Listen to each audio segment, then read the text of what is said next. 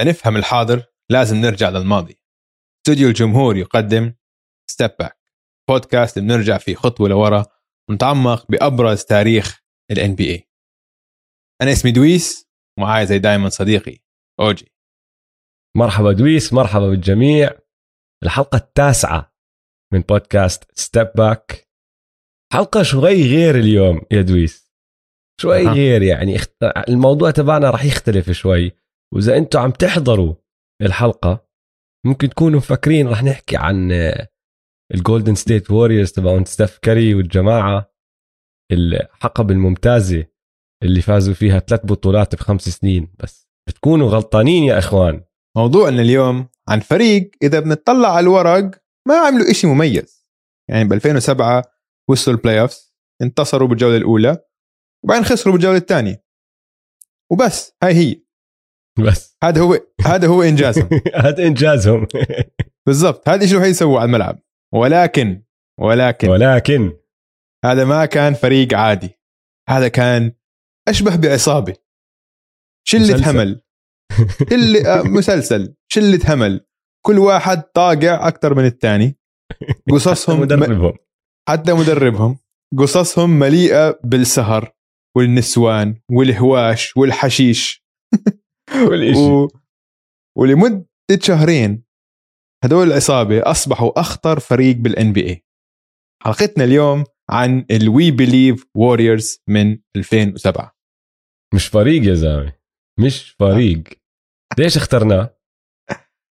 عشان يا أوجي بالرياضه أحيانا بصير إشي مميز لدرجة إنه أثره بيمتد خارج الملعب وبعانق جوانب أخرى من المجتمع اللي هو فيه. ال Warriors كان فريق سيء لأكثر من عشر سنين. مدينة أوكلاند كانت عم بتعاني اقتصاديا خاصة إنها بس. يعني بتطلع على الجسر وبتلاقي حالك بسان فرانسيسكو. يعني بت... أنت شايف سان فرانسيسكو. و Silicon Valley والازدهار الاقتصادي اللي هناك كل ال tech جوجل وفيسبوك كلهم هناك. ففريق ال Warriors بتاع 2007 كان مكون من لعيبه سمعتهم سيئة. كل واحد عنده تاريخ مليء بالبقع السوداء. فشخصيات وهوية ال Warriors ب 2007 لبقت كثير مع شخصية وهوية اوكلاند المدينة. وأوكلاند وقعت بالحب فيهم وهم وقعوا بالحب باوكلاند ولفترة محدودة اوكلاند والواريورز صار عندهم إيمان إنهم بيقدروا يوصلوا لل playoffs ويحققوا العجائب. وفي الجولة الأولى من ال playoffs ب 2007 إيمانهم كان بمحله. انتصروا على MVP الموسم والمرشح الأول للقب. حتى للآن بعد ما وصلوا خمس نهائيات ورا بعض من 2015 ل 2019 وحققوا ثلاث بطولات. بعد ستيف كاري وكيفن دورانت وكلي تومسون ودريموند جرين وستيف كير وكل الشلة هاي.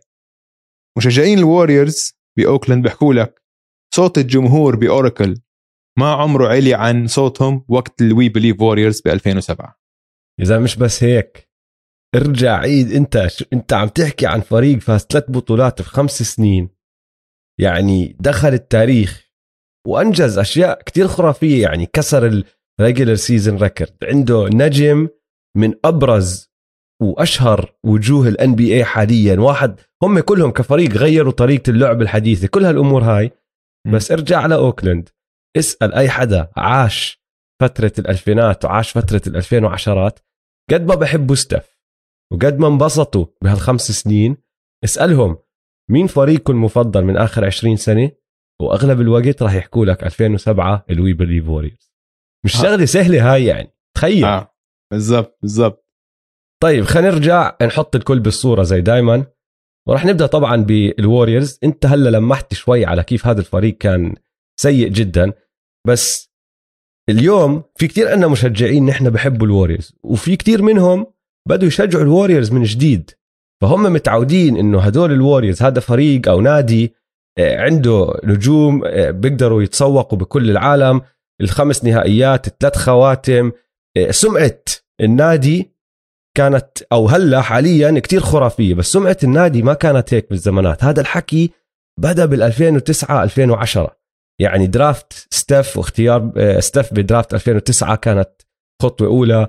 كلي لحقه بال 2011 دريمن دخل بال 2012 وكمان في عندك عامل كتير مهم اللي هو آه، ملاك النادي تغيروا بال 2010 شروهم اللي هم المالكين الحاليين جو ليكوب وبيتر جروبر.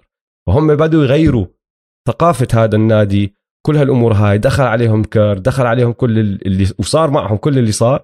صار نادي هلأ حتى بعد سنتين ثلاثة إذا ما كانوا عم بيلعبوا منيح بس بعقلك لما تفكر بالوريورز تحكي لا والله هذا نادي مرتب الناس دايرين بالهم عليه هذا نادي راح يطلع من الأزمات اللي هو فيه وراح نشوف له نجاحات بالمستقبل. تخيل إنه جو ليكب لما اشترى الوريورز ب 2010 اشتراهم ب 450 مليون. حاليا الفريق بيسوى 4.7 billion. billion. بالباع مليار. مليار. ف- مليار. بليون. فلهالدرجة انقلبت صورة الوريورز من فريق هامل لفريق هيو واحد من أكبر هي، اسمع. بالان بي فريق هامل. هي هاي. بال 2007 ما كانوا الفريق اللي هلا بنفكر فيه لأنه قبل ال playoff run تبعتهم بال 2007 ما كانوا واصلين ال playoff ب 12 سنة. كان آخر مرة كانوا واصلين ال playoff الجولدن ستيت ووريرز كانت بال 94 لما كان مدربهم نفسه دون نيلسون اللي راح نحكي عنه اليوم. وصلوا ال playoff طلعوا ب sweep من الفينيكس سانز بالدور الأول. ولو ترجع شوي أكثر بالتاريخ راح تفهم قديش كان جد فريق هامل. من ال 77 من موسم ال 77 78 لنهاية موسم 2005 2006 الوريورز وصلوا ال playoffs خمس مرات وما وصلوهم 24 مرة. مش بس هيك. من ال 94 95 لل 2005 2006 كانوا يا أخير يا قبل الأخير بكل موسم. بكل موسم. يعني لما تيجي تفكر أنت ب مين أحكي لك؟ الكينجز حاليا الولفز حاليا هدول الفرق اللي اللي أنت خلاص أول ما يخطر على بالك هذا الفريق تحكي لا هذا فريق هامل. كانوا أسوأ من هيك أسوأ من هيك بكتير بعدين بمراحل. wow. فب تخيل. ال 2006 المدير العام للجولدن ستيت ووريرز كان واحد اسمه كريس مالين كريس مالين كان جزء من الفريق اللي وصل ال playoffs بأوائل التسعينات آه، مع دون نيلسون صار هو المدير العام قال لك اسمع نحن يعني هاملين هاملين خربانة خربانة مش خسرانين إشي إذا رجعنا دون نيلسون مدربي السابق يدرب الفريق مع إنه هم عارفين إنه هذا مدرب يعني مش تقليدي وأفكاره من مرة مش تقليدية وهلأ راح نتعمق فيها. والأشياء اللي بيعملها يعني الكلمة الوحيدة اللي بتخطر على بالي اللي جد بتوفي باللي هو بيسويه طاقع كان طاقع. اسمع. نحن بالعادة لما نحكي قصة Step Back بنركز على اللعيبة أكثر من المدربين.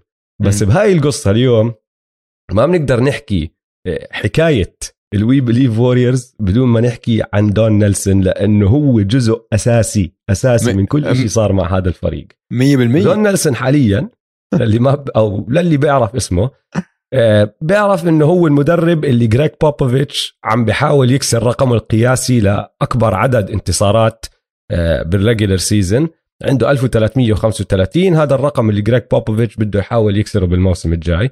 أو إذا أنتم بتسمعوا podcast Man to Man تعرفوه كمان لأنه نحن لقبناه. ادويس طلع عليه لقب آه، اللي هو لقب المزارع. وراح نخش. عليها هاي الشغلة كمان شوي. فهذا هو نفسه دون نيلسون. بس قصته أكثر من هيك. دون نيلسون كان لاعب بال NBA دخل من draft ال 1962 اختاروه فريق اسمه الشيكاغو زيفرز اللي هلا اليوم حاليا هم الواشنطن ويزردز. لعب معهم موسم بعدين لعب موسمين مع الليكرز بعدين انتقل للسلتكس. ومع السلتكس مع إنه ما كان أساسي كانت مسيرته بصراحة كتير ناجحة. كان sixth man رائع معهم. خمس بطولات فاز. بال 69 ب game 7 هو اللي حط ال game winner تبعتهم. وحتى رقمه اللي هو رقم 19 معلق حاليا. بالجاردن يعني ال- السلتكس كرموه. بس أثره الأكبر على لعبة السلة إجا كمدرب مش كلاعب. بعد ما اعتزل بدأ يدرب البكس بال 1976 وقعد معهم 11 سنة. درب الوريورز بآخر الثمانينات لتقريبا نص التسعينات اللي هم الوريورز ال Run TMC اللي كانوا مع تيم هاردوي كريس مالن اللي هلأ حكينا عنه وميتش ريتشموند كانوا كتير ممتعين للناس اللي بتتذكر ال NBA أيامها. آه، بعدين درب المافز من أواخر التسعينات ل 2005 على دخلة ناش وعلى دخلة نويتسكي والجماعة هدول. وبعدين رجع درب الوريورز كمان مرة اللي هو موضوعنا اليوم. مم. وبصراحة بسرعة يعني من أول ما بدأ يدرب صار عنده سمعة إنه هو شوي زي ما بيقولوا لك mad scientist إنه مم. طاقع زي ما بقول لك بيعمل أشياء ما حدا كان فاهمها على ملعب سلة أيامها. تجارب. دائما يجرب هيك أشياء جديدة. آه. أيوه بالضبط. كان دائما يحب يجرب تكتيكات جديدة ما حد شافها بالكره بالضبط. القدم. آه آه. كرة السلة. عشان مفكر كنت عم بحكي إنه زي بيب بكرة القدم. فهمت علي؟ آه زي بيب فك- بكرة القدم. يا عيني عليك. هي بالضبط. هاي. آه. كيف بيب بيعمل أشياء غريبة هون هناك؟ الفرق بس إنه بيب ناجح كتير. دون نيلسون رح نوصل له. آه. بس من الأشياء اللي جربها يعني هو كان أول واحد آه اخترع اللي هو فكرة ال point forward كان يدرب البوكس صار يستعمل اللاعبين اللي على الجناح تبعونه إنه هم يكونوا صانعي الألعاب. هاي شغلة بالزمانات مستحيل كانت تصير. أيامها كان ال point guard تبعك هو صانع الألعاب. مم. فهو بدأ يستعمل ال small forward تبعه كصانع ألعاب. ومن وراء هاي الشغلة صار يقدر يدخل آه، اثنين shooting guard يلعبوا بنفس الوقت بدل ما يكون في عندك point guard هاي يعني ما حدا كان سامع فيها أيامها. هلا بتشوفها كل محل حتى السناتر بيكونوا صانعي ألعاب. أيام دون نيلسون ما حدا كان يعملها. بعدين هو أول واحد كان يمسك ال big man تبعه ال center تبعه يقول له اسمع تدخلش على ال paint أنت. انه كيف؟ ال- اللعبة كانت أيامها تحت سيطرة العمالقة. هو قاعد بحكي له ما بدي إياك بال paint بدي إياك توقف برا. فهو إيش كان يصير؟ لما هو يوقف ال center تبعه برا المدافع تبعه يلحقه. فبشيل آه. اللي هو آخر خط دفاع عند ال- عند ال- الفريق الخصم جوا ال paint. كمان ايامها شغله ما حدا كان فاهمها إنه كيف يعني أنت بتلعب center برا مش فاهم؟ ما هو كان يمكن من واللي هاي التفكير هذا عشان هو بلش يفكر بالمساحات إنه أنا بدي. اعمل أخلق مساحات على ملعب كرة السلة عشان هيك خليني أطلع بالضبط. ال center وبفتح المجال لل guards وال forwards تبعوني. مية بالمية. وهذا كله ضل يتطور يتطور يتطور وصار معروف بشيء اسمه Nellie Ball لأنه هو دون نيلسون بدلعوه Nellie فصار Nellie Ball اسمه. وال Nellie Ball باختصار هجوم run and gun يعني سريع. آه، بتكلوا على ال fast. breaks كتير بتكلوا على التسديد من برا القوس الثلاثيات كتير. بتكلوا على ال mismatches اللي عم بيخلقوهم بهدول المساحات وال switches والسرعة وكل هالأمور هاي. وبصراحة الدفاع مطرقعين له يعني. أيوه. فال Nellie Ball زي ما تحكي هو أساس اللي نحن بنشوفه اليو- اليوم اللي هو ال small ball الطريقة اللي بيلعبوا فيها ال NBA الفرق ال NBA الحديثة كلها بدت مع دون نيلسون. بس مع. هيك. الفرق زي ما انت حكيت إنه زي بيب بضل يجرب بس بيب كتير ناجح. دون نيلسون كان ناجح كمدرب regular season وعنده ثلاث جوائز فاز ثلاث مرات بجائزة أفضل مدرب بس ما عمره فاز بطولة. وحتى بال playoffs فرقه ما كانوا يعملوا كتير ما كانوا يتقدموا كتير. فإله احترامه الكل بيعرف إنه هو مدرب غير عن الهاد عن الكل بس بال playoffs ما وصل ال finals وفاز بطولة ما عمل هالحكي هذا اسمع بالعكس. يمكن يمكن يشبه بيب أكثر من ما توقعنا. عشان بيب كمان بيربح دوري دائما بس بالكأس بس بخبص ال Champions League ال Champions League ربح بس مرة بس مع واحدة. أيام برشلونة. آه مرتين مع ميسي. بالضبط. آه واللي إحنا عم نسجل ب 2021 هلأ إذا فازوا إذا فاز ثلاث أربع مرات بس نذكر. نحن عم نحكي عن 2021 صح. وشغلة دون نيلسون على سيرة ال playoff تخيل انت حكيت انه هذا فريق فاز بس جولة واحدة بال playoff ومع هيك الناس بتعتبر إنه هذا أفضل آه، إنجاز له بال playoff انه فازوا الدور الأول. المهم هاي قصة دون نيلسون. خلينا نحطه على جنب خلينا نحكي عن الفريق اللي دخل عليه دون نيلسون لما وصل للوريورز لتاني مرة. لأنه زي ما حكينا دربهم بأول التسعينات وآخر الثمانينات. راح لف الدنيا رجع. لما وصل على الوريورز كمان مرة. طلع على الفريق وقال لك هذا بالضبط مش بالضبط الفريق اللي أنا كنت متخيله. عنده backcourt حبه فيه م. بارون ديفيس وفيه جيسون ريتشاردسون هلا هدول التنين guards كبار كانوا يعتبروهم وهذا الحكي بزبط مع نيلي نيلي كان حابب هذا الحكي. جيسون ريتشاردسون كان drafted من الوريورز من 2001 وكان معروف ك slam dunk champion ربحها مرتين. وكان ديفيس. رائعين دويس. رائعين كانوا شرسين كان. دنكر باونس بتوين ذا ليجز يا آه. زلمة. كان عنده هانج تايم حلو عنده ويندميل قوية كمان. وبد... آه. كان يدنك بشراسة. هذا الحلو آه. فيه كمان إنه دنكاته فيهم قوة يعني. وبارن ديفيس اجى من الهورنتس ب 2005 بعد تريد بعد ما تهاوش مع مدربه ومع المالك النادي. راح أحكي لكم كمان شوي عن القصة بعدين. هلا غير هدول الاثنين بالباك كورت كان عندهم واحد اسمه مونتي اليس مونتا أليس كان داخل على سنته الثانية جاهم كروكي من الثانوية من ال high school ما راح على الجامعة السنة اللي قبلها. وما لعب كتير يعني بأول موسم له لعب 18 دقيقة بالمباراة ومعدله كان سبع نقاط بس. بس الوريور شايفين فيه إشي. وآخر آخر game لهم بهداك الموسم سجل 27 فالوريورز هيك متحمسين لو كانوا على ال season الثاني تبعه الموسم الثاني تبعه. ال frontcourt قصة. من مرة ما كان حابب ال frontcourt frontcourt دون نيلسون. السنة اللي قبلها كان تروي ميرفي أدونال فويل وأيك ديوغو الثلاثه هدول اللي بيلعبوا كتير ولا واحد فيهم كان يزبط مع ال style تبع نيلي. هلا بالموسم هذا اللي داخلين عليه نحن 2006 2007 رجعوا لعيبة كمان صغار كانوا موجودين على الفريق. واحد اسمه أندريس بريد بيدرينز آه، ميكائيل بيترس الفرنسي. عملوا آه، اختيارهم كان بال draft واحد اسمه كيلينا ازابوكي بس مش كتير غيروا. الاسم الوحيد البارز اللي تغير عليهم ومش كتير بارز هو بارز لإلنا هلا هلا لأنه كان جزء كبير من هذا الفريق بس أيامها مش كتير. كان واحد اسمه مات بارنز. مات بارنز كان صار له بيلعب بالدوري أكمل سنة بس دائما role player ما كان يلعب كتير. آه، بهداك الصيف ما حدا وقعه لعقد وهو أصلا كانت رياضته الأولى ودائما بحكيها لليوم إنه رياضته الأولى كانت ال American football مش السلة. لأنه شاطر كتير كان بهديك الشغلة. شايف حاله هداك الصيف إنه والله شكلي مش رح أرجع على ال NBA بدي أروح أجرب حظي وألعب American football رن عليه تليفون مرة بارون ديفيس قال له اسمع تعال إلعب معنا بيك اب يعني مش تمرين ولا إشي رسمي تعال بس إلعب معنا لأنه pickup game قال له ماشي. اجى لعب معهم ولا بس يخلص لقى إنه نيلي نفسه نازل دون نيلسون نازل من المدرجات وقاعد بيحضر فيه كاين بيقول له اسمع تعال جرب حظك معنا بال training camp اجى آه. على ال training camp على المعسكر التدريبي وبصراحة حبوا اللي, اللي شافوه قالوا له تعال وقعوا معه وخشوا على ال season فيعني هذا فريق داخل مع مدرب جديد أغلب اللعيبة نفسهم بس ما عندهم توقعات لأي إشي مش داخلين هم مفكرين حالهم راح يكسروا الدنيا فهمت آه. علي. هلأ أولها بدأ الموسم وعادي كتير كان لهم يعني around 500 كان عندهم تقريبا نفس عدد الانتصارات اللي عندهم خسارات بأول شهرين برا ال playoffs يعني تاسع عاشر إشي هيك. بس دون نيلسون وال GM آه، كريس مالين الاثنين عارفين إنه الفريق هذا مش فريق بلبق ل style ولأسلوب دون نيلسون.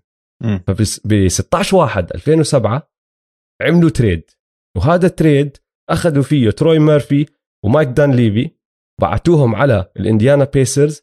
رجع محلهم ستيفن جاكسون آل هارينغتون وكمان قطعة أكمل قطعة هون هناك كانوا fillers بس عشان موازاة الرواتب. هلا كريس مالين المدير العام براسه آل هارينغتون كان هو جد الجائزة بهذا ال trade. مم. بس دون نيلسون يحكي لك لا أنا بالنسبة لإلي كانت الجائزة ستيفن جاكسون. وستيفن جاكسون عم نحكي هلا بهذا الوقت إنه كان كان مارر سنة وشوي عن Malice in the Palace. يعني سنة وشوي عن الهوشة اللي صارت ب آه، بديترويت اللي بده يسمع القصة كلها يرجع للحلقة خمسة من بودكاست سباك تعمقنا فيها. طبعا من وراء هديك الهوشة آه، ستيفن جاكسون تم إيقافه 30 مباراة بس حتى هو موقوف ضل يتمشكل مرة برا ب- برا strip club بإنديانا دق بواحد صار في هوشة. مسك آه، مسدسه 9 ملي صار يطخطخ بالهواء وبقول لك self defense وبعرفش إيش يعني البيسرز بدهم يخلصوا منه ما أها. صدقوا حدا يجيهم يقول لهم خذوا بدناش. اياه أيوه نيلسون حبه مكيف عليه هلأ أحلى إشي بهذا ال trade هذا في قصة صغيرة اللي هي كيف دون نيلسون لما عرف إنه صار ال trade و Captain Jack آه، اللي هو لقب ستيفن جاكسون صار معهم على الفريق شو عمل؟ حكى قال له اسمع في محل اسمه Smitty's Cocktails. يعني بار صغير كتير من هدول ال dive bars عرفتهم اللي بيكون حيط ولا إشي هيك. المهم حكى معه قال له تعال لاقيني بهذا البار. وشكله هذا كاين بار إنه دون نيلسون بحبه لأنه لليوم بيقولوا لك حتى ستيف كاري والجماعة بيقولوا لك مرات كان يحكي معنا لأنه بعد ما اجى ستيف بال 2009 هيك كان يحكي معنا يقول لنا عندنا team meeting ياخذهم على هذا البار. فهمت علي؟ فيوميتها رن على ستيفن جاكسون قال له تعال. مين كاين فيه بالبار؟ هو جاكسون و... ونالي وبارون ديفيس. قعدوا يشربوا بيرة آه، بيشربوا سكوتش بيل- بيلعبوا game اسمها shuffleboard بحبها دون نيلسون وبيحكوا استراتيجيات للفريق. بعد ما كلهم انطبلوا انطبلوا انطبلوا لف عليهم دون نيلسون للتنين قول لهم اسمعوا أنتوا التنين راح تكونوا الكباتن عندي وانتوا اللي راح تديروا الموضوع كله وراح ننبسط. وهيك صار آه. اسمه كابتن جاك. لأنه أها. خلص عملوا كابتن وهذا أيوة. من أول لسه مش لاعب مباراة زلمة مش لاعب مع الفريق ولا مباراة بس. نبي كيف عليه مبسوط و- عليه وسمعته بالحضيض مشكلجي يعني صاير قصة ال Malice بال Palace وهيك يعني إنه جابوا حطوا. كابتن حطوا co-captain مع بارون. ديفيس اللي كمان جاي من مشاكل التنين جايين من المشاكل حطهم كباتن وهم كلهم شاربين مليون كاس ولا واحد فيهم مصحصح هذا. أسلوبه فالمهم حط كابتن آه، أولها ما زبط الموضوع. يعني ال- الخسارات ضلت تتجمع وبال 21 مباراة بعد آه، بعد ال trade فازوا بس 8 وخسروا 13 غير. هيك جيسون ريتشاردسون كسر إيده آه، بارون ديفيس صار عنده عملية خفيفة بركبته كل هالأمور هاي. آه وكان و- وكان جاكسون موقوف لأول سبع مباريات بعد ال trade. عشان كان لسه. كان لسه موقوف رايح عليه مباريات. بتخطي وبعمل مشاكل. فيعني أيوة. وضعهم ما كان سهل. وبأول أسبوع بشهر ثلاثة يعني بالضبط ست أسابيع بعد ما عملوا ال- ال trade تبعهم كانوا نازلين لرقم 12 بال West. أها. بعدين إشي قلب. أها بالضبط. قلب. ب 5 3 2007 لعبوا مباراة ضد الديترويت بيستونز الديترويت بيستونز كانوا فريق قوي ومعروفين إنه خشنين. طبعا هم اللي كانوا بال Malice بال Palace رابحين بطولة وواصلين نهائيات مرتين. فالفريق هذا فريق صح يعني عم بينافس بالمنطقة الشرقية. راحوا الوريورز عليهم ومسحوا الأرض فيهم. مش بس مسحوا الأرض فيهم إنه بيقولوا بالإنجليزي they punked them. إنه يعني حاولوا دعسوا على راسهم. دعسوا على راسهم وخوفوهم. يعني هيك وقفوا لهم وحسوا إنه البيستونز خافوا منهم. فالبيستونز المفروض هم كانوا أزلم فريق يعني بال NBA من ناحيه خاصة من ناحية دفاعية. عندك بن والس ورشيد والس والشباب هاي يعني شخصي هويتهم كانوا هم الفريق الخشن. إجوا الوريورز ودعسوا على رأسهم. ها؟ فهم بعد هاي المباراة قال لك اسمع ترى نحن ما حد بيقدر إنه يوقف قدامنا. إذا هيك مسوي بالبيستونز إذا هيك البيست إذا البيستونز خافوا منا. زي هيك مين بده يوقف قدامنا بكل ال NBA فهم لما لما هاي كانت بديترويت. هم مسافرين بالطيارة سهروا كل الليل وعملوا اجتماع بين لعيبة فقط. اللعيبة صار تحكي مع بعض بارون ديفيس Stack Jack مات بارنز. كلهم صاروا يحكوا ترى اسمعوا.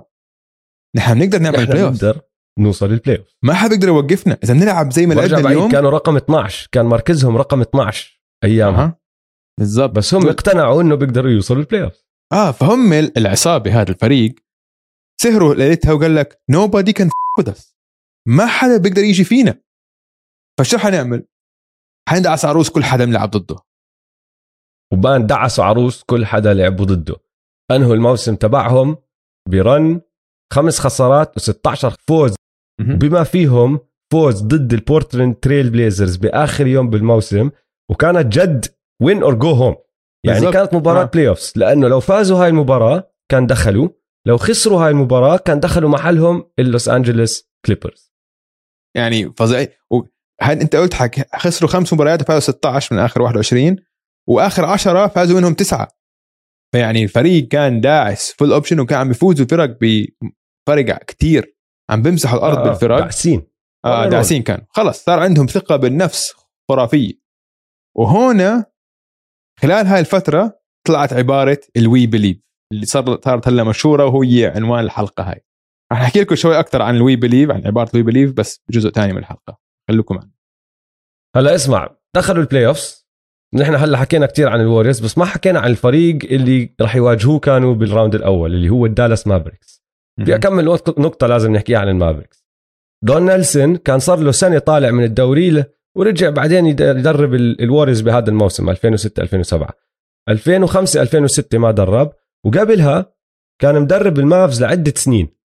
ف هو يعني عنده علاقات كتير قريبة مع كتير ناس من المافز بس أنهى ال- الشغل تبعه هناك لأنه هو ومارك كيوبن اللي كان لسه جديد على المافز شاري المافز جديد دقوا ببعض على أكثر من شغلة وأكبر أكبر شغلة اللي هي إنه دون نيلسون كان بده ستيف ناش يضله مع المافز ومارك كيوبن قال له لا بديش أعطيه الراتب اللي هو بده إياه. إذا بدكم تسمعوا هاي القصة اسمعوا حلقة سبع ثواني أقل أو أقل. عن الفينيكس سانز الحلقة رقم سبعة من بودكاست ستيب باك. المهم دقوا ببعض فهو علاقته شوي خربت مع مارك كيوبن. المافز راحوا شغلوا إيفري جونسون اللي كان مساعد مدرب تحت دون نيلسون وبأول سنة بعد ما راح دون نيلسون اللي هو موسم 2005 2006 المافز هدول وصلوا ال finals. هلا المافز خسروا طبعا ضد ميامي بال 2006 بس لما رجعوا الموسم اللي بعده مش بس رجعوا بثقة. دمروا الدنيا. هدول ما كانوا فريق منيح. ما كانوا فريق ممتاز. كانوا فريق من النخبة. هدول فريق فاز 67 مباراة. و 67 يعني كان أعلى عدد طبعا. كانوا متصدرين ال NBA كله. بس مش بس متصدرين. متصدرين بفرق ست مباريات عن أقرب منافس لإلهم. طبعا عندهم ديرك نويتسكي اللي كان راح يربح أول جائزة MVP والجائزة الوحيدة اللي ربحها هديك السنة. ودمروا الدنيا. دمروا الدنيا. بس في شغلة صغيرة في نقطة. المافز الموسم كله ما خسروا غير 15 مباراة. بس ثلاثة من ال 15 كانوا ضد الوريورز. وكانوا بفرق كبير. 20 نقطة بالمباراة معدل 20 نقطة بالمباراة تبع- تقريبا. واحدة منهم كانت خلال ال run اللي عم بيعملوه الوريورز 16 و5 ولو إنه المافز فازوا هديك المباراة كان الوريورز أصلا ما دخلوا ال playoff بس صح. المافز قالوا لك لا نحن بدنا نريح starters ما. لعبوهم. ما هاي هي. وريحوهم. ريحوا ال starters و- فهاي شافوها الوريورز كإهانة وحسوا وأخذوها كانه هدول خايفين منه هم مش يلعبوا ضده بالضبط فخلص دخلوا براسهم إنه هدول الفريق خايف منه والوريورز هم كان الفريق الوحيد اللي دالاس ما انتصر عليه خلال هذا الموسم. طبعا إحنا بنحكي كثير أكثر عن هذا الموسم بحلقة ستة من حلقة ستيب باك بطولة ديرك فارجعوا لهاي نحن عم نربط كثير من حلقات ستيب باك مع بعض اليوم. ف آه، دخلنا- دخلوا فلما على دخل-. دخلنا على ال playoff هلأ أحكي لك شغلة. نيلسون كان عارف إنه المافريكس ما عندهم نقاط ضعف. يعني كانوا فريق ممتاز زي ما أنت حكيت من النخبة بال half court offense آه بتقنوا الخطة على المسطرة بدافعوا ممتاز ولكن ما كانت لياقتهم العالية عالية. ما كان عندهم athletes ما كانوا athletic كثير الوريورز كانوا العكس بالضبط. كانوا athletic كانوا بركضوا fast breaks وبسددوا three ات أكثر من أي فريق بال NBA فكان ال style تبع الوريورز عكس تماماً. مخ... عكس تماما عن المافريكس وكل فرق النخبة بال NBA وقتها. وكمان حتى لو تطلع على ال- اللعيبة يعني أحجامهم طولهم كثير عكس بعض.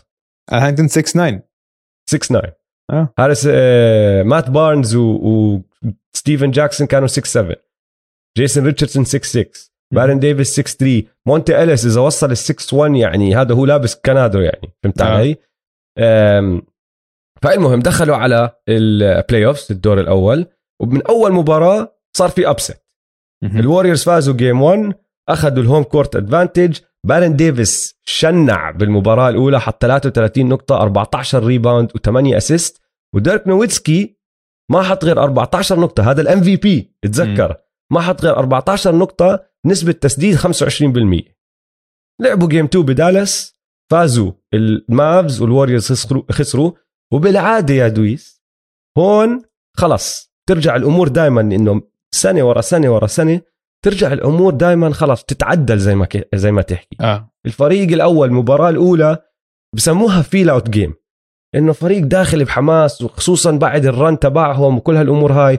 هدول يعني مش ماخذينهم بالجدية كانوا أو إشي هيك دائما بتصير إنه بتدخل على game 1 بتشوف الفريق ال- السيد التصنيف الأعلى بيخسر ضد التصنيف الأوطى آه. بس بفوزوا game 2 وخلص ترجع. الأمور بالضبط بيكونوا مستهينين فيهم أول أول مباراة إشي هيك يعني بيفاجئوهم بخطة جديدة يعني بالضبط. بتصير بتصير بعدين خلص ترجع طبيعية الأمور فهديك السنة نحن الكل اللي عم بيحضر بيقول لك آه نفس الشيء راح يصير مم. بس في شغلة عملها دون نيلسون اللي هو كان حاطط ستيفن جاكسون يدافع على ديرك نويتسكي وستيفن جاكسون كتير كان عم بغلب ديرك نويتسكي يعني هذاك الموسم ديرك نويتسكي أنهاه بمعدلات 50% من الملعب 41% من برا القوس و90% اللي بسموه ال 50 40 90 club. المباريتين ال- الأوائل اللي لعبوهم بدالاس ما حتى قرب ما شم ريحة تسديد بنسبة 50 بال- 50% آه. غير هيك ل game 3 طبعا راجعين وين على اوكلاند أوبا. واوكلاند صار لهم مليون سنة أصلا الناس مش شايفين ال playoffs. الطاقة اللي كانت بالمحل جنونية كانوا ملبسينهم التيشيرتات الصفر حاطينهم على الكراسي الناس بيقولوا لك اللعيبة الناس كانت معبية الملعب ساعة ونص قبل ما تبدأ المباراة. ساعة ونص معبيين والصوت عالي وكل هالأمور آه. هاي وكله أصفر وكله متحمس كله بحب هذا الفريق The perimeter defense of the Warriors. Richardson for three. And it's a 19 point lead, the largest of the game. فطبعا هاي الطاقة ساعدت ال Warriors ومش بس فازوا game 3 كمان فازوا game 4 دالاس صار عندهم مشاكل مش عارفين كيف يتعاملوا مع مع ال Warriors. رجعوا على أرضهم وصفوا فايزين game 5 ديرك لعب أحسن مباراة له ويعني ما كانت هالمباراة الخرافية يعني كانت شوي فوق المعدل آه وفازوا game 5 ورجعوا على game 6 game 6 مسحوا الأرض فيهم. فازوا ب 25 نقطة. ويعني ال upset مش حتى إنه وصل game 7 وخلصت بفارق قريب مسحوا الأرض فيهم فازوا game 6 كحشوا هذا الفريق اللي كان زي ما أنت حكيت قبل شوي المرشح الأول للبطولة. مش بس لل West للبطولة. آه. We Believe Warriors دمروهم. بارن ديفيس فتح شوارع كل السلسلة. كان معدله 25 نقطة. 45% من الثلاثيات. ستيفن جاكسون سدد 40 ثلاثية سجل منهم 19 أيامها هذا الأرقام خرافية. هلا متعودين لما تسمع ستيف بيعمل هيك تقول آه شيء منيح بس أيامها ما كانت تصير. ومنهم سبع three ات من ثمانية ب game 6 ف game 6 حتى بارن ديفيس أظن آه، اضطر يقعد على ال bench شوي عشان صار في معه شد عضلي.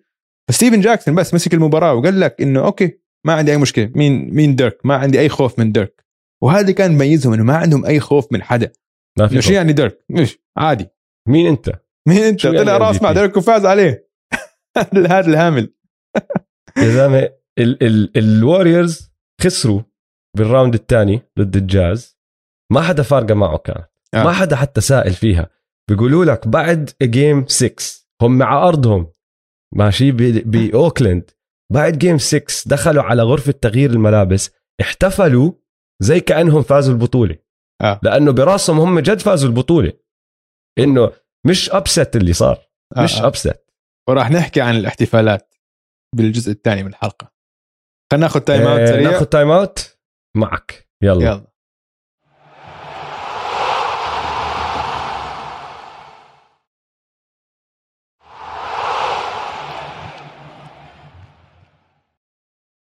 رجعنا من ال time out أوجي شو كانت انطباعاتك الأولية بعد ما رجعنا بحثنا بهاي الحلقة؟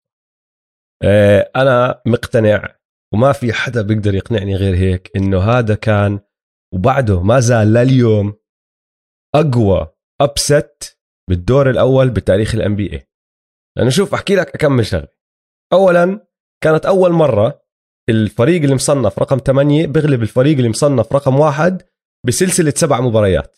يعني دنفر غلبوا سياتل بال 94 وال Knicks غلبوا ميامي بال 99 بس هدول التنتين كانوا سلاسل best of five يعني اللي بفوز آه. أول ثلاث مباريات أو اللي بوصل لثلاث انتصارات أول بتأهل. هاي كانت أول مرة بتصير best of 7 series وبعدين بعد ما غلبوهم ال Warriors بالسنين اللي بعدها صارت اكم مرة. بس دائما كان في عامل إشي هيك بيلعب دور كبير. يعني بال 2011 ال Grizzlies غلبوا السبيرز بس السبيرز لعبوا بدون مانو جينوبلي بالمباراة الأولى خسروا على أرضهم وبعدين بباقي السلسلة ما عمره رجع الفريق اللي عم بيلعب على أرضه يخسر مباراة ومانو رجع ولعب منيح بس كان ماله إشي ما كان 100% بال 2012 فيلادلفيا غلبوا ال Bulls بس هي هاي نفس السلسلة اللي, اللي ديريك روز. انصاب بأول مباراة بآخر دقيقتين ثلاثة من المباراة وما رجع لعب طبعا بكل السلسلة فأنت خسرت ال MVP تبعك يعني أنت خسرت أحسن لاعب على فريقك. الفريق المصنف ثامن اللي هو فيلي غلبوا ال Bulls. ال Warriors مش بس غلبوا ال Mavs غلبوا ال Mavs بدون ولا إشي ولا إصابة. وإذا بدك تقارن كل هالفرق اللي أنا حكيت لك خسرت الفرق اللي مصنفة أول اللي خسرت هدول ال Mavs كانوا أقوى منهم كلهم. ال Sonics بال 94 كان آه، ال- السجل تبعهم كان أو بالموسم هذاك فازوا 63 مباراة. ميامي بال 99 فازوا 33 مباراة بموسم كان طوله 50 آه، فإذا بدك تمدها ل 82 مباراة يعني 54 فوز بيكون عندهم. سبيرز فازوا 61 وال Bulls فازوا 50 بموسم كان طوله 66 مباراة. فكمان إذا بدك تمدها يعني زي كأنه كانوا فايزين 62 مباراة. ال Mavs فايزين 67 مباراة اللي هو لليوم سابع أحسن سجل regular season بالتاريخ. متعادلين يعني في أكثر من فريق عاملها بس أنت عم تحكي إنه من أفضل مواسم التاريخ. وال Warriors يا أخي وهاي اللي شنطتني راسي إنه أوف أنا ما فكرت فيها بعدين قعدت أطلع إنه أوف ما كان عندهم ولا All-Star ولا All-Star مش بس ما كان عندهم ولا All-Star بارون ديفيس اللاعب الوحيد اللي لعب مع هدول الوريورز اللي طلع All-Star بمسيرته طلع مرتين بال 2002 و2004 م. ولا لاعب تاني لعب مع هدول الوريورز طلع All-Star بمسيرته يعني الوريورز تبعون ال 2017 مع دورانت وكاري كان عندهم جوائز MVP أكثر من مكان هذاك الفريق كله عنده All-Stars بمسيرتهم بمسيرتهم فهمت علي؟ ومش بس فازوا آه. دمروهم. فازوا بست. مباريات زي ما حكينا مش سبعة. ومعدل الانتصارات بالست مباريات كان تقريبا 15 نقطة. آه. فما بيقدر حدا يقنعني إنه ما كان أفضل upset أقوى upset شفناه بتاريخ ال NBA بال round الأول. لا بتفق معك بتفق معك. أنا آه انطباعاتي الأولية إنه شو هالقصص man شو هال شو هالعصابة؟ شو هالعصابة؟ خلينا خلينا نغوص بالموضوع شوي. أحكي لك عن اللعيبة. آه جيسون ريتشاردسون طبعا حكينا كان drafted من الوريورز ب 2001 و slam dunk champion ماشي. بارون ديفيس اللي هو واحد من خلينا نقول الاثنين خلينا نقول واحد من الشخصيات الرئيسية بهاي العصابة. ها بارون ديفيس من كومبتون كومبتون يعني منطقة بلوس أنجلوس معروفة you know بالعنف وهيك يعني وين تسمع كندريك لامار وكل يعني الشباب عكس بيفرلي. هيلز عكس بيفرلي هيلز ولكن راح الجامعة ببيفرلي هيلز بيو سي ال اي يو سي ال أوكي فبارون ديفيس بلوس أنجلوس كان من ال hood ومن هوليوود فهمت علي فكان بعض. عنده آه فكان عنده ناس من كومبتون وكان عنده ناس من هوليوود ممثلات وهيك. اليوم هيك على فكرة عنده production. company وبعرف إيش واصحاب مع ناس زي جيسيكا ألبا وبعرف مين okay آه. حنحكي آه حنحكي بعدين مين كيف كان إيش مين كان يجيب معه على الحفلات هلا اسمع القصة مثلا هاي كيف طلع من الهورنتس؟ صار معه هوشة مع آه، خان هيك سمع حكي للمالك الفريق بيقول هو وحسب حكي وبيقول لك هذا اسمع هذا عنصري 100% فمرة كان عم يبهدل فيه فبارون ديفيس قال لك لهون وبس قال اسمع تاخذ كمان خطوة راح أشوه وجهك. آه؟ هذاك سمع هيك وقال لا خذ كمان خطوة تعال استرجي تعال خذ كمان خطوة. طبعا هذاك سمع هيك تاني يوم انشحن راح- على جولدن. ستيت وهلا عشان هو من لوس انجلوس اللي هي بتنحسب بجنوب كاليفورنيا ما كان بده يروح على أوكلاند عشان هاي شمال كاليفورنيا وفي يعني هيك إذا أنت من الولاية SoCal غير عن North Cal وما بدكاش إنه لا أنا أنا من أنا من جنوب كاليفورنيا مش من الشمال يعني. بس راح هناك ولما راح هناك عجبته الشغلة. مات بارنز أنت حكيت عن الموضوع شوي كان تقريبا برا ال برا ال NBA كلها. إنه كان بفيلادلفيا قبلها وما كان يلعب وحتى كان عنده قصة هاوش مع المدرب موريس تشيكس. موريس تشيكس قال له أنت بتعرفش تلعب. ولما راحوا لعبوا خلال ال- ال run هاي ال- الخرافية اللي بآخر الموسم راحوا لعبوا ضد فيلادلفيا وسلخ career high سلخ أظن سبع ثلاثيات ضد ضد ال- ضد. موريس تشيكس عشان يبعص فيه. ولهلا لما حد يجيب سيرة موريس تشيكس على البودكاست تبعه هم عندهم بودكاست هو ستيفن جاكسون اسمه اب ان سموك لما حد يجيب سيرة موريس تشيكس مات بارنز بقول لك موريس تشيكس. على السريع هيك من حاقد عليه. ف آه، حاقد عليه هلا يعني. وانت قلت قصته إنه نيلسون جابه على ال tryout وعجبه يا تبعه نيلسون. نيلسون من تحت لتحت. صح بارون ديفيس حكى معه صح صح. حكى بارن ديفيس معه. نيلسون ما قال له إنه راح يكون موجود. وراح قاعد يطلع عليه بدون ما بدون ما يحكي له شيء بعد ما خلص نزل له قال له اسمع حبيت وضعك تعال. آه. هلا الشخصيه الثالثه البارزة والمهمة بهاي العصابة هو ستيفن جاكسون. شوف ستيفن جاكسون هلا أسلم آه؟ وهيك صير كثير صار محترم. بس تاريخ ستيفن جاكسون إنه هو كان زلمة. زلمة ويعني يعني هو زلمة. إنه يعني كل لاعب بال NBA بيعرف إنه هذا رجل بكل معنى الكلمة. ورجل وفي. وطبعا أكبر مثال لما شفنا شفنا اللي صار دخل بمارس على صار لما شاف. لما شاف آه، رون أرتست بال بال آه، بالجمهور عم بكبس بناس أول واحد ركض وراه هو ستيفن جاكسون قاعد يكبس معاه فيه. ما هو اسمع ف- استنى بس أحكي لك شغلة عن ستيفن جاكسون. هو مسيرته ل... لوقتها وسمعته يعني كتير مرتبطين بتاريخ فهمت علي؟ لما كان عمره 16 أخوه قتلوه انطخ. لما كان high school senior بآخر سنة له بال high school دخل على ال McDonald's All-American game تعرف هاي بتصير كل سنة وبيجيبوا أفضل لاعبين ال high school بكل أمريكا وبيلعبوهم. وبالعادة أنت لما تصير McDonald's All American يعني أنت 100% داخل على واحد من أو واحدة من أفضل الجامعات بالولاية.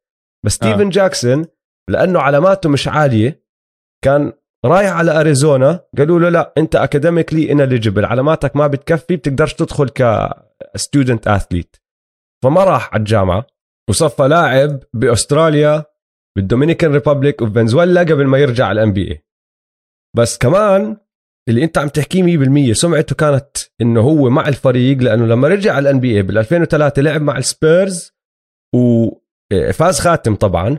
وكل حدا بيحكي لك إنه مع إنه هذا دائما قاعد بتمشكل برا الملعب كزميل بيموتوا فيه بيموتوا فيه آه. بيموتوا فيه. وبالسبيرز كان عنصر رئيسي بالبطولة سنتها مم. كان في مباريات مهمة بمباريات مهمة بالأوقات الصعبة ظهر معدنه إنه هذا رجل ما بيخاف من اللحظة. وبال أو ما بال- بالمباريات الكبيرة هو بيرفع مستوى ولكن مشكلته إنه مشكلجي كان برا الملعب. مشكلجي كتير. مشكلجي كتير. فبيرن ديفيس بيحكي معه آه، قبل ال trade ولما حكى معه كان هلا ستيفن جاكسون طالع من مشكلة هاي اللي حكينا عنها برا ال strip club عامل هوشه ورافع. مسدس قاعد يطخطخ بس أكل كتلة عشان سيارة خبطته إنه واحد من اللي عم بتهاوش معه دعسه بالسيارة فهو إنه دعسه است... إنه خبطته السيارة ووقع تمه على ال... وقع وجهه على الشارع وانكسروا كل أسنانه طيب فراح اضطر يعمل عملية يظبط كل أسنانه بالغرفه الطوارئ بالطوارئ بمستشفى الطوارئ وبيقدروا ما قدروا يعطوه anesthesia مخدر عشان بعرفش ليش السبب بس إنه اضطر يعملها وهو صاحي وبقول لك كانت أخرا تجربة بحياتي يعني أكثر مرة بتوجع بحياتي. فلما حكى معه بعديه بكم من يوم بارن ديفيس أول شيء عم بطمئن عليه وثاني شيء عم ببهدله إنه وبعدين معك إنه بكفي ثقن بك شو عم تعمل أنت يا زلمة؟ خلاص فهمنا إنك زلمة بس وبعدين مع هالمشاكل تخبيص. هداك مش قادر يجاوبه عشان فكه مسكر. ممنوع يستعمل فكه كان كان عم باكل بمصاصة صار له لازم أسبوعين ياكل بمصاصة. فذاك بقول له ولك اسمع بكفي بكفي خلص بدنا نجيبك على أوكلاند بس بدك تظبط إنه خلص بكفي المشاكل هاي برا الملعب. وبارن ديفيس وهو كانوا صحبه من قبل لدرجة إنه بارن ديفيس حكى مع أمه مع أم ستيفن جاكسون. جاكسون. آه. حكى مع أم ستيفن جاكسون قال لها listen mom خلص إنه أنا بدير بالي عليه. إنت بس جيبيه هون خلص طلعيه من إنديانا. كل شيء كل شيء كان زبالة بإنديانا. خليه يطلع من إنديانا خليه يجي هون أنا بدير بالي عليه. آم، وفبارن ديفيس أخذ دور إنه هو القائد شوي عشان كمان آه، في عندك آه، أندريس بيدريتس. إيش اسمه هو؟ أندريس بيدرينز. أندريس بيدريتس. كان يسموه بريدرينز كان يسموه ال Goose وكان هو كمان عنصر مهم بالفريق. آه، Goose. هو كان ال center تبعهم. كان لما بدهم ال center واحد تبعهم. طويل كان يحطوه هو. هذا كان صغير جاي من أوروبا وعلى قولة بارن ديفيس إنه بأوروبا اللي ال partying level تاني. فبيردس كان جاي ماخذ الملايين بال NBA وطالع سهران كل ليله بسان فرانسيسكو. فراح مرة بيرن ديفيس بنص ال run هاي طالوا من club الساعة 4 الصبح قال له اسمع خلص بكفي. بكفي. بس هلا أعطينا أعطيني شهر بس. أعطيني شهر ركز. وهذاك ركز معه فعلا بسبب إنه لعب منيح شهرين ثلاثة جاء كونتراكت كبير بعدين طبعا رجع همل وما رجعنا سمعنا منه. ف عصاب يعني. صورة له هذاك اليوم؟ صار ضخم هيك كله تاتوز من فوق لتحت موشم آه، هذول يعني- هم العصابة ها؟ أيوه هدول هم الشخصيات تاعون الفريق. طيب آه، بدنا نحكي عن أقوى لحظة يا دويس. آه. واللي بضحك بالموضوع إنه أقوى لحظة ما دخلها ب ال- ال round الأول ما دخلها بالجولة الأولى من ال playoffs ولا ال upset على ال Dallas Mavericks. صارت بالدور الثاني لما لعبوا هدول ال Warriors ضد ال Utah Jazz. هلا هم طبعا زي ما حكينا احتفلوا زي كأنهم فازوا البطولة دخلوا على الدور الثاني لعبوا ضد فريق كتير مرتب. فريق ال Utah Jazz هدا كارلس بوزر دارين ويليامز آه، ميمت اوكور الجماعة هدول يعني كان لهم وقتهم هدول الجاز. وايامها كان جيري سلون. وفي كمان واحد. نسيت اسمه. أندري؟ كيرلينكو. وأندري كيرلينكو. بس أندري كيرلينكو ما نسيت اسمه أنا كنت تاركه على جنب. آه. لأنه هلا رح نحكي فيه. فاسمع بال بال بالدور الثاني ال Warriors خسروا أول مباراة. المباراة الثانية كانت كتير قوية. خسروها ب overtime وخسروها بطريقة كتير كتير إنه بتوجع القلب. لأنه ديريك فيشر اللي كان ايامها يلعب مع الجاز ما كان مع الفريق. كان في عنده مشاكل عائلية بنته بالمستشفى ولا إشي هيك فما قدر يبدأ المباراة معهم. وصل على الملعب بال quarter الرابع. دخل ولعب معهم وسجل خمس نقاط كتير مهمين بال overtime ومن وراء الأداء تبعه. وطبعا كل شيء تاني صار فازوا ال Utah ورجعوا على أوكلاند. هلأ ب game 3 في play واحدة. صارت. يعني أنا بتحداك تلاقي لي حدا بشجع ال Warriors من زمان ما عم بحكي الجيل الجديد من زمان بقول لك هاي مش لحظته المفضلة. وبنرجع بنعيد إنه هذا فريق فاز ثلاث بطولات ووصل بال finals وعندهم ستيف كاري يا أخي عندهم ستيف اللي هو يعني إذا مش أكثر واحد بيصنع لحظات بتاريخ ال Warriors ما بعرف مين بت- تقدر تحط محله. بس كل حدا بحب ال Warriors بيحكي عن هاي اللحظة. واللحظة game 3 بارن ديفيس بيستلم الطابة وبيطلع عن ال man تبعه وبنط. And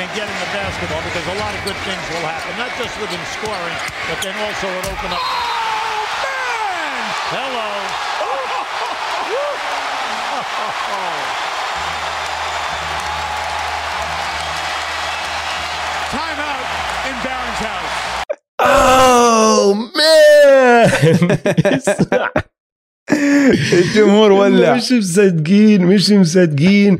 ال dunk. ف... فنرجع لأندري كيريلينكو. أندري كيريلينكو أيامها كان معروف إنه واحد من أحسن ال shot blockers بكل ال NBA بارن. ديفيس كانوا يتخوتوا عليه لأنه دائما بتوجع بظهره بيقدرش ينط كان. دائما أيوة. بتوجع بيلعب على الأرض. نط. ومرة أنا حكي لك أحلى إشي بالدنكات. لما يكون صدر بصدر أيوه. مش بس صدر بصدر شمطة صدر بصدر حط الدنك عليه المعلق انجن الجمهور الجمهور. انت حكيتها بأول الحلقة. أوراكل أرينا هديك السنة. كانت روراكل كان يسموه. روراكل. رور روراكل الصوت اللي كان يطلع من هدول الناس خيالي. وبهدول المباريات كانوا حاطين مقياس صوت. مقياس الصوت بعد ما حط الدنك طلع ل 108 عشان تعرف بس شو يعني 108 إذا أنت بتروح تطلع على آه، آه، التنبيه تبع الأصوات ومن الأمور هاي. لما توصل 110 بيقولوا لك إذا أنت سمعت الصوت بليفل بمستوى 110 ل 30 دقيقة هذا خطر جدا. يعني مم. ممكن أنت تنطرش. يعني معظم الناس انطرشوا 108. بعد هاي المباراه اللي كانوا 100% حاضرين. أيام اوركل المشجعين معظمهم انطرشوا شوي بعد هاي السلسلة. بعد مش سلسلة دنك. المابس. مش دنك. بدي أرجع أعيده. اسمعوا يا إخوان الصوت.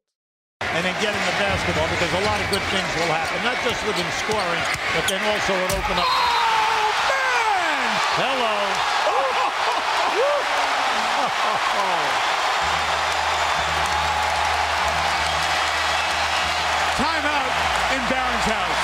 أكيد هاي اللحظة.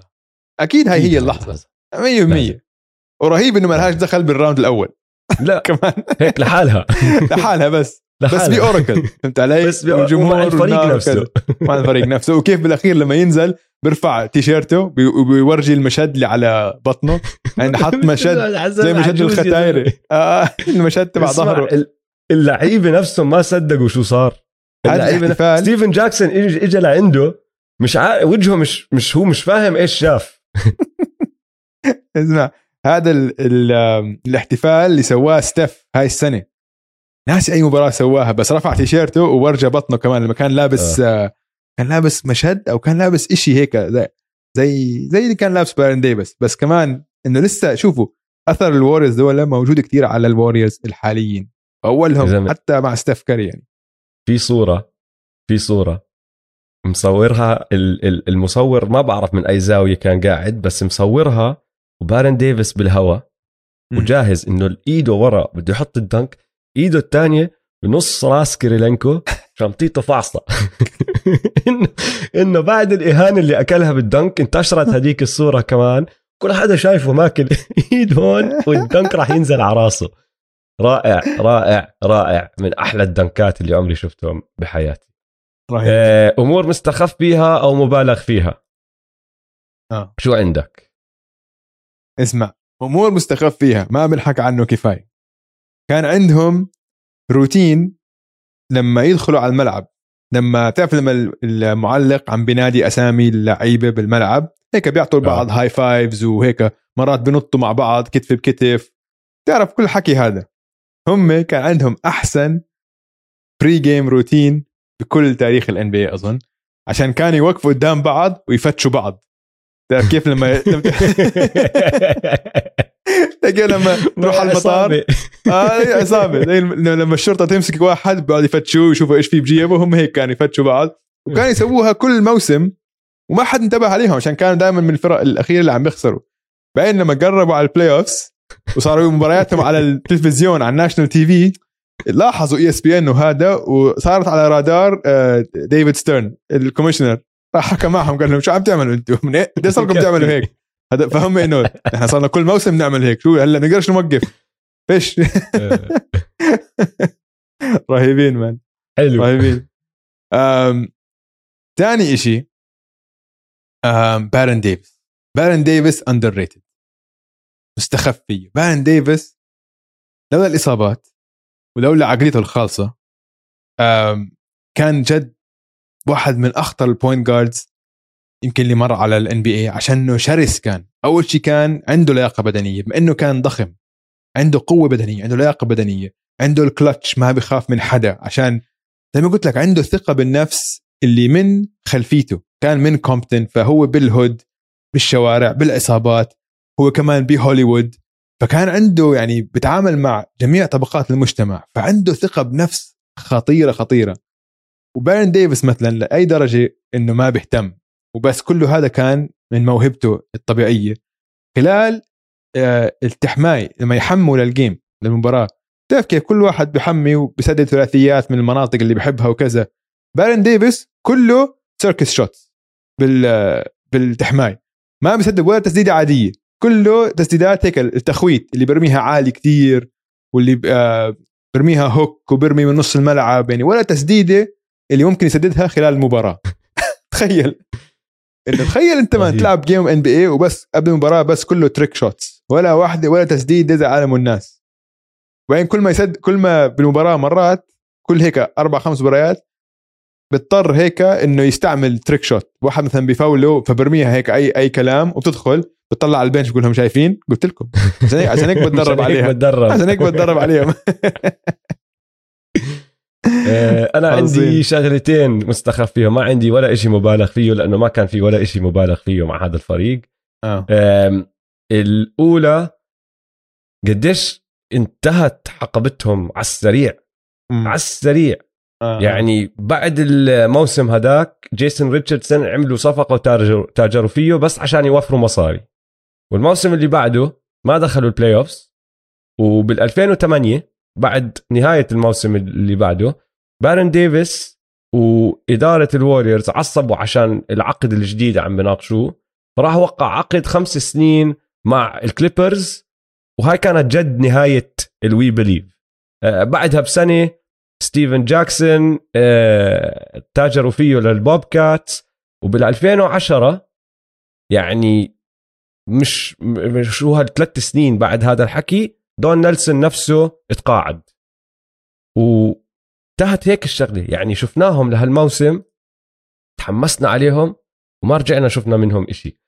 والإشي الثاني كمان اللي مستخف فيه وما دخلوا بهدول الوريورز دخلوا بدون نيلسون بالذات إنه كان اثره أظن على نحن حكينا عن اثره على الملعب بس اثره على الوريورز الحاليين. كمان مستخف فيه لأنه غير كل اللي حكيناه عن طريقة اللعب بال 2009 هو الوحيد اللي كان مع الوريورز بده إنه يستعملوا بطاقتهم على ستيفن كاري. ولولا إنه هو أصر جيبوا ستيفن كاري كان اختاروا حدا تاني. بس لأنه هو كان مقتنع إنه طريقة ستيف كان في خوف أيامها. أنت تتذكر هذا الإشي؟ حتى أو أول كم سنة أول كم سنة مسيرة ستيف ضل ينصاب آه. لأنه كانوا يحكوا عنه صغير كتير. ماشي شفناه ب الان سي دبل اي ماتش مادنس تورنمنت شنعوا والكل حبه بس كان أصغر لاعب حجما وطولا وكل هالأمور هاي. الكل كان خايف إنه هذا بس يدخل على ال NBA ما راح يتحمل. مم. وجد لكم سنة ما تحمل لاجوا الدكاترة وغيروا الطريقة اللي بركض فيها والطريقة اللي بيمشي فيها وكل هالأمور هاي. وشوف شو صار. صار two time MVP فمستخف كتير بقديش دون نيلسون أثر على ال Warriors الجداد. مش بس بطريقة اللعب بس كمان بهذا الاختيار بالذات. يا زلمه تخيل لو ما فقدوا تركيزهم بعد ال round الأول وحطوا ببالهم إنه بدنا نربح البطولة. ما عشان هذا- كأنه عشان اسمع، عشان-. عشان هذا السبب الوحيد لا هلا هاي صعبة شوي. هاي هاي مستحيل ما يحتفلوا كانهم في هذه البطوله بس اللي صار إنه هم جد بطل بد... إنه خلص ما عندهم بطل عندهم اهتمام بالموسم. خلص هم بس كان عندهم اللي هاي عليهم. عملوا عليهم خلص. وخلص فبس لو ركزوا لو ما فقدوا تركيزهم كان ممكن يربحوا البطولة لأن سنتها وصل من النهائي كان آه، السبيرز و آم، ولبرون ولبرون ولبرون مع فريق سيء سيء كتير مع مع ال Cavs. يعني كان في chance يربحوه. يعني هي بس كان لازم يغلبوا سبيرز. إذا غلبوا السبيرز مع إنه سبيرز كانوا فريق ممتاز جدا. آه كالعادة. آه آه. بس, بس, يعني لو كان غلبوا السبيرز عشان أقول لك يعني ليش. عشان ممكن كان فازوها. كان بيلاقوا طريقة إنه بدهم مثلا يدعسوا على رأس السبيرز عشان مثلا ستيفن جاكسون كان مع السبيرز وجريك بوفيتش زحلق له بما إنه فاز لهم بطولة ب 2003 فخلص كان حطوا ببالهم هاي النقطة وقال لك أنا بتعرف بدنا نفوز على السبيرز من شان ستيفن جاكسون عشان غلطوا بحق ستيفن جاكسون قبل ثلاث سنين هيك يعني أشياء خالصين يعني عندك شوف عندك دانكن كان أساس الفريق آه، توني باركر كمان كان. Finals MVP هذيك السنة ومهم جدا آه. ف ال- ال- اللعيبه اللي عند ال Warriors وطريقة لعبهم تقدر تكركب شوي بس هم جد آه. فقدوا. يعني فقدوا التركيز و ضد يوتا مطقعين كانوا باعوها مش فارقة معه باعوها خلاص بالنسبة باعوها. لهم فازوا بطولتهم آه، فازوا آه. بطولتهم لا أنا عندي تخيل لو تانية تخيل لو دون نيلسون انولد بعد بعشر سنين أها. يعني تخيل دون نيلسون يعتزل بدل بال 2010 يكون اعتزل بال 2020 فهو يعني أساس زي ما حكينا كل إشي عم نشوفه على الملعب هلا بس ما لحق. صح. يعني حتى وقت ما اعتزل ال NBA لسه ما كان خاشش بال space and pace era ما كان خاشش بال small ball 100% بال positionless basketball كل الأمور هاي اللي هو سواها. شغلة ال point forwards okay شغلة منيحة بس مش مش كل فريق عم بيعملها. هلا عم بتشوف صانع ألعاب center صانع ألعاب small forward صانع ألعاب shooting guard مين ما يكون؟ فهمت علي؟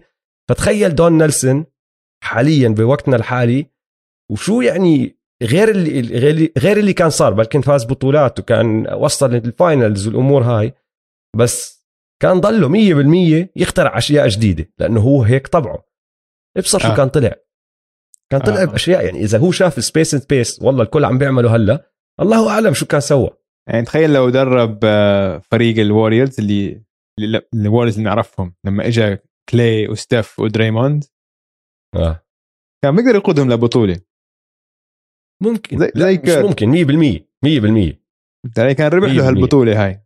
آه. آه. حلو. أو كان رحنا حطيناه مع مين أقول لك؟ تحطه مع يوكيتش عنده playmaker زي يوكيتش فهمت علي؟ تحطه مع زايون. تحطه مع هدول اللعيبة اللي قوات خارقة غريبة تحطه مع يانس. وشوف شو بيعمل. بس شوف شو بصير شو بيطلع منه. تخيل. آه طيب ما راح تصدق. هون راح نرجع لقصة ال We Believe. ال We Believe slogan الشعار هذا تبعهم We Believe نحن نصدق. طلع من مالك مطعم اسمه بول وونغ. لما بدوا ال run تبعهم هذا اللي بآخر الموسم ال 16 5 run صار هو بالمطعم تبعه كان دائما يحط آه، المباريات والناس تيجي تحضر.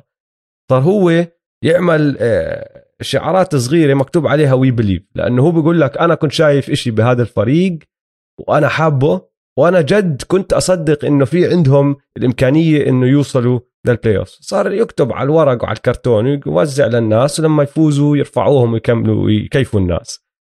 بعدين ضلهم يفوزوا. فايش إيش صار يعمل الزلمة؟ صار يحطها على التيشيرتات. ويبيع التيشيرتات. بقول لك وصلت مرحلة إنه كانت التيشيرتات تدخل له مصاري أكثر من الأكل اللي بالمطعم والمشروب اللي بالمطعم. كيف كان الزلمة؟ ال Warriors شافوا إنه هذا الحكي عم بزبط والناس حبيته فحكوا معه. قالوا له بصير نستعمل هذا الشعار كشعارنا؟ طبعا هو ما صدق. قال لك مم. 100% يلا. ومن هناك طلع اللي هو اسم ال We Believe Warriors رهيب. القصة هاي. أنا عندي كم من قصة ما راح تصدقها. طيب رح أرجع عن آه، الشخصيات. طيب قصة عن ستيفن جاكسون قصة عن مات بارنز ستيفن جاكسون يا سيدي في مرة كان خاطب وراح يتجوز. يوم عرسه يوم عرسه عنده كان هو صحبه مع ماربري وكان في لعيبة تانيين ستيف ماربري ولعيبة تانية. بيكتشف ستيفن جاكسون إنه خطيبته اللي حيجوزها اليوم يوم عرسهم يعني. الناس إجوا على العرس. اللي حيجوزها اليوم لسه ما وقعت ال prenup وصار له هو عم بعت لها ال prenup صار له أشهر. ال prenup بأمريكا يا جماعة لما تتجوز بأمريكا في قانون إنه إذا أنت متجوز وحدة وفسختوا العلاقة وصار في طلاق أو أي شيء هي لها حق تاخذ 50% من أموالك. كل شيء بيقسموه بالنص 50% فكتير ناس اللي مليونيرية ومعهم مصاري. لما يتجوزوا حدا ما معه مصاري خاصة مثلا لعيبة كرة سلة لما يتجوزوا آه أي مجوزوا وحدة بخليهم يوقعوا prenup ال prenup اتفاقية إنه ما حيطلع لك ال 50% إذا طلقنا. فهمت علي؟ أو حيطلع لك مبلغ بسيط أو اللي هو. يعني ما المهم إنه هي طريقة للحفاظ على أمواله بعد على أمواله بعد ما إذا صار إذا طلقوا. فيوميتها اكتشف إنه هي ما وقعت. وبلحظة ما اكتشف لغى لغى العرس. فسخ العرس. فسخ العرس. قال لك انت انت يعني قبل ما نتجوز انت طالق روحي على البيت صار لي اشهر بحاول هي وهي عم هي حاولت انه هي حاولت هي حاولت تأجل تأجل تأجل لحيت بعد العرس عشان خلص تضمن. 50% من ثروته. فهمت علي؟ فهو لغى العرس وسواها حفلة عادية. كان اوريدي كل حد موجود بس كحش خطيبته وصارت حفلة عادية. بتعرف بتعرف شو صار بالحفلة لا قل لي نزلوا كلهم من القاعة اللي فوق وين ما كان راح يصير العرس للقاعة اللي تحت وين الحفلة ستيفان ماربري كان واقف ورا ال DJ booth آه صح صح أول ما صح دخلوا. أول ما دخلوا حط أغنية إيش الأغنية يا دويس؟ Oh, she's a gold digger. جولد ديجر She ain't messing with them broke. I ain't saying she's a gold digger. آه غنية كانيا ويست عن gold diggers يعني فيلم فيلم. يعني شو هال شو هالشخصيات هاي؟ القصة الثانية اللي ما راح تصدقها قصة مات بارنز وديريك فيشر. مات بارنز كان وقتها ساكن ب آه، منطقة بكاليفورنيا بعيدة ساعتين عن صديقته القديمة أو ال ex-wife تبعته اللي هي كمان أم أولاده أو ص- صاحبته ال ex مش ما أظن كانوا متجوزين. صاحبته ال ex اللي هو اللي عنده ولدين منها. فاكتشف مات بارنز إنه ديريك فيشر مصاحب صاحبته القديمة وإيش إن هيك عايش ببيته. بيته اللي هو هلأ فيه صاحبته القديمة واولاده اولاده فمات بارنز قال لك مستحيل ركب بالسيارة ساق ساعتين بس عشان يطعمي ديريك فيشر كتلي وصل البيت كانوا عاملين عشاء وصارت طبعا قصة كبيرة ودخل وناس يفزعوا بيناتهم وصاحبته ترجى فيه إنه ما تضرب ديريك فيشر قدام الأولاد وكل الحكي هذا القصة قد ما هي أسطورية القصة إنه كمان كانيي ويست عمل آه، ضافها ك ك ضافها بواحدة من القصص اللي ضافها بواحدة من الأغاني تبعته هي؟ نسيت شو كيف ال line بيروح إنه basically إنه I drove I drove four hours just to kick someone's ass like Matt Barnes. إشي هيك إنه حكى عن القصة هاي بواحده من اغانيه ف هذول هم الجماعة اللي كانوا آه، كباتن هاي الفريق هذا الفريق هاي العصابة الخالصة. أنا بدي أرجع لك على الباسكت. بدي أرجع لك على السلة. أشياء أشياء ما راح تصدقها دخلها بالسلة. بال 2007 8 اللي هو الموسم بعد هذا الموسم الوريوز فازوا 48 مباراة بس ما دخلوا على ال playoffs لأنه ال West كان مطفح فرق فصفوا هم أكثر فريق بيربح مباريات بتاريخ ال NBA وما بدخل على ال playoffs والرقم هذا لليوم موجود. عادلوه الفينيكس سانز بال 2013 14 48 مباراة. انت بتعرف انه نحن دائما نحكي انه إذا انت بتفوز 50 مباراة بموسم NBA انت فريق ممتاز. ممتاز طبعا. فازوا 48 ما دخلوا حتى ثامن. ال West تخيل. ال West. ال West كان disaster آه، دون نيلسون آه، ما حدا ما في حدا دخلوا بال NBA شارك بمباريات أو بعدد مباريات أكثر من دون نيلسون كلاعب وكمدرب إذا عم تحسب regular season و playoff الرقم تبع دون نيلسون 3767 ما في حدا بيقرب عليه. هاي كمان شغلة عنه. غير هيك تعرف إنه هو اخترع ال Hack-a-Shaq؟ لا ما بعرف. كان هو المدرب تبع الدالاس مافريكس بأواخر التسعينات. واخترع ال Hack-a-Shaq عشان دينيس رودمان قاعد بخطط لمباراة ضد البولز وشاف إنه في طبعا عندك القانون اللي هو off-ball off-ball fouls قال لك نحن راح نلعب ضد البولز وأسوأ لاعب عندهم اللي هو دينيس رودمان أسوأ لاعب بتسديد الرميات الحرة اللي هو دينيس رودمان. فراح بدأ خلى فريقه يبدوا يفولوا فيه. بس رودمان حطهم فما زبطت خربت. وهذا الحكي عم بيصير بال 97 تقريبا. ما رجع استعمل هاي الاستراتيجية لبعد بسنتين رجع استعملها واستعملها ضد شاك بدأت الفرق وزبطت ضد شاك بدأت الفرق الثانية تستعملها ضد شاك صار اسمها Hack-a-Shaq ولليوم بنشوفها مع ناس زي بن سيمنز على سبيل المثال. فهاي شغلته كمان. وكمان شغلة عنه سريعة لما غلبوا دالاس بال 2007 بهذا ال round المدير العام تبع دالاس كان ابنه دوني نيلسون. اللي مد وضله لهلا للسنة الماضية هذا الصيف ترك الدالاس مافريكس. فدون نيلسون غلب ابنه وقال له اسمع انت وفريقك يلا من هون. هذول كلهم أشياء صغيرة هيك عن دون نيلسون. وعندي آخر حقيقة ما راح تصدقها.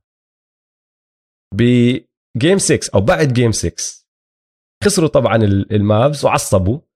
وديرك نويتسكي اللي كان أداؤه سيء جدا بهديك السلسلة لأنه ما قدر مع ستيفن جاكسون. عصب لدرجة إنه مسك ما بيعرفوا إذا كرسي ولا آه، زبالة لأنه لحد هلأ ما حدا فاهم شو صار بالضبط بس مسك إشي وزته على الحيط اللي برا غرفة تغيير الملابس تبعت الخصم مش الفريق تبع صاحب الأرض فريق الخصم اللي هو طبعا كان ايامها المافريكس وخزقه وضلوا. ما غيروه. كيفوا الوريورز على الموضوع إنه لهالدرجة عصبوه. وقالوا لك ذهنيا كل ما يجي حدا على هذا الفريق يلعب بهذا المبنى راح يشوفوا هاي الشغلة وراح تضلها ببالهم إنه نحن ال We Believe خلينا هيك يصير فيه بال MVP فتركوها. والسنة الماضية طبعا تعرف غيروا الملعب وراحوا على الملعب الجديد بسان فرانسيسكو. فإيش عملوا الوريورز خلوا ديرك نويتسكي يرجع يوقع الحيط هذا. راحوا أخذوا الحيط نفسه جزء منه يعني مربع منه وحطوه بملعبهم الجديد. تذكار. لليوم موجود. رهيب. هاي رهيبة. وحاطين فوقيها T-shirt We Believe صارت زي هيك. صارت زي هيك شيء تذكاري عشان يتذكروا الحقبة هاي فيها. هيك فجوة بالحيطة بس لما ديرك عصب. آه، أشياء عجبتنا ما عجبتنا. عندي أكمل واحدة كمان عن نلي. يا زلمة نلي نلي نافورة قصص ما بتخلص. أنا كمان أنا كل أنا أنا كمان عن ال likes كله عن نيلي فأنت بلش. أنا كل شيء أشياء حبيته فخلينا نبدأ. شخصيته يا أخي شخصيته حبيتها كتير لأنه ما في زيها. فأكمل شغلي هون هناك لقطها وأنا قاعد ببحث لهذا لهاي الحلقة. مرات بيقولوا لك اللعيبة كان يطلب timeout ويقعد ما يحكيش إشي.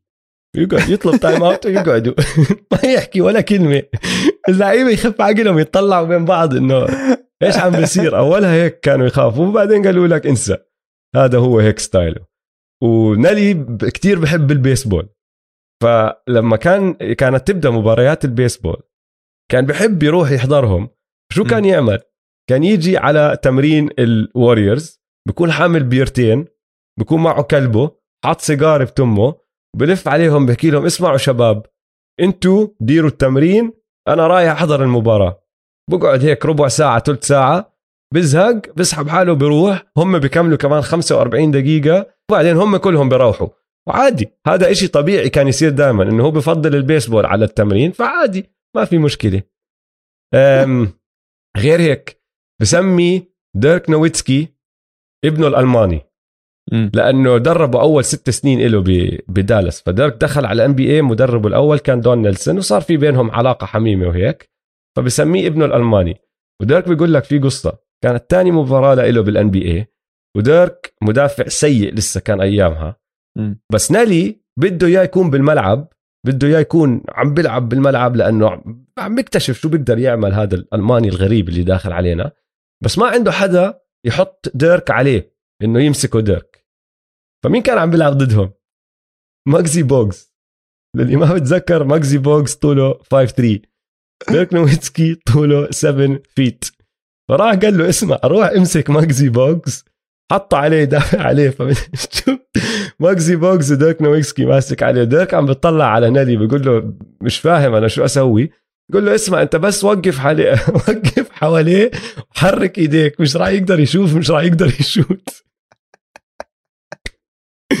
راح وقف ديرك وهيك سوى يا زلمة. آه، رهيب رهيب. وآخر إشي. نرجع نربط للقب اللي نحن معطينه إياه. بعد موسم ال 2009 2010 راح تعرفوا هلا يا جماعة ليش اسمه آه، المزارع ليش نحن بنلقبه من المزارع. بعد ما اعتزل بعد نهاية موسم 2009 2010 دون نيلسون تقاعد وراح سكن بماوي بهاواي. وشو بدأ يعمل بماوي يا دويس؟ يزرع. بدأ يزرع حشيش. عشان هو يستعمله مش إنه آه. ببيعه أو إشي. هو عم. بزرعه لأنه هو بحبه ومعطيه آه. اسم اسمه نالي كوش اسمع و لهلا هو ها لهلا بدا يعني كل ما يطلع آه. بيحكي عن آه خاصة هلا صار انه صار الحشيش قانوني بمعظم أمريكا فهو مكيف على الموضوع شعراته آه. طولوا ساعات طولوا هلا. آه هلا شكله هيك مع ويلي نيلسون بالضبط هاي هي ف في قصة من لما بعد game 6 والاحتفالات اللي صارت بعد ما فازوا على المافريكس هاي قصة من مات بارنز عم بيقول لك رحنا على آه، كان هو عامل حفلة آه، دون نيلسون. كانت بالآخر طابق بال penthouse تبع عماره فلما فتح الباب دون نيلسون رحب بالفريق مات بارنز ستيفن جاكسون قال لهم آه شباب تعالوا. هاي في جوا. في وودي الن جوا وعم بدخنوا آه، عم بحششوا ورا. روحوا شيكوا. آم، فحكى إنه هو حكى لهم تعالوا.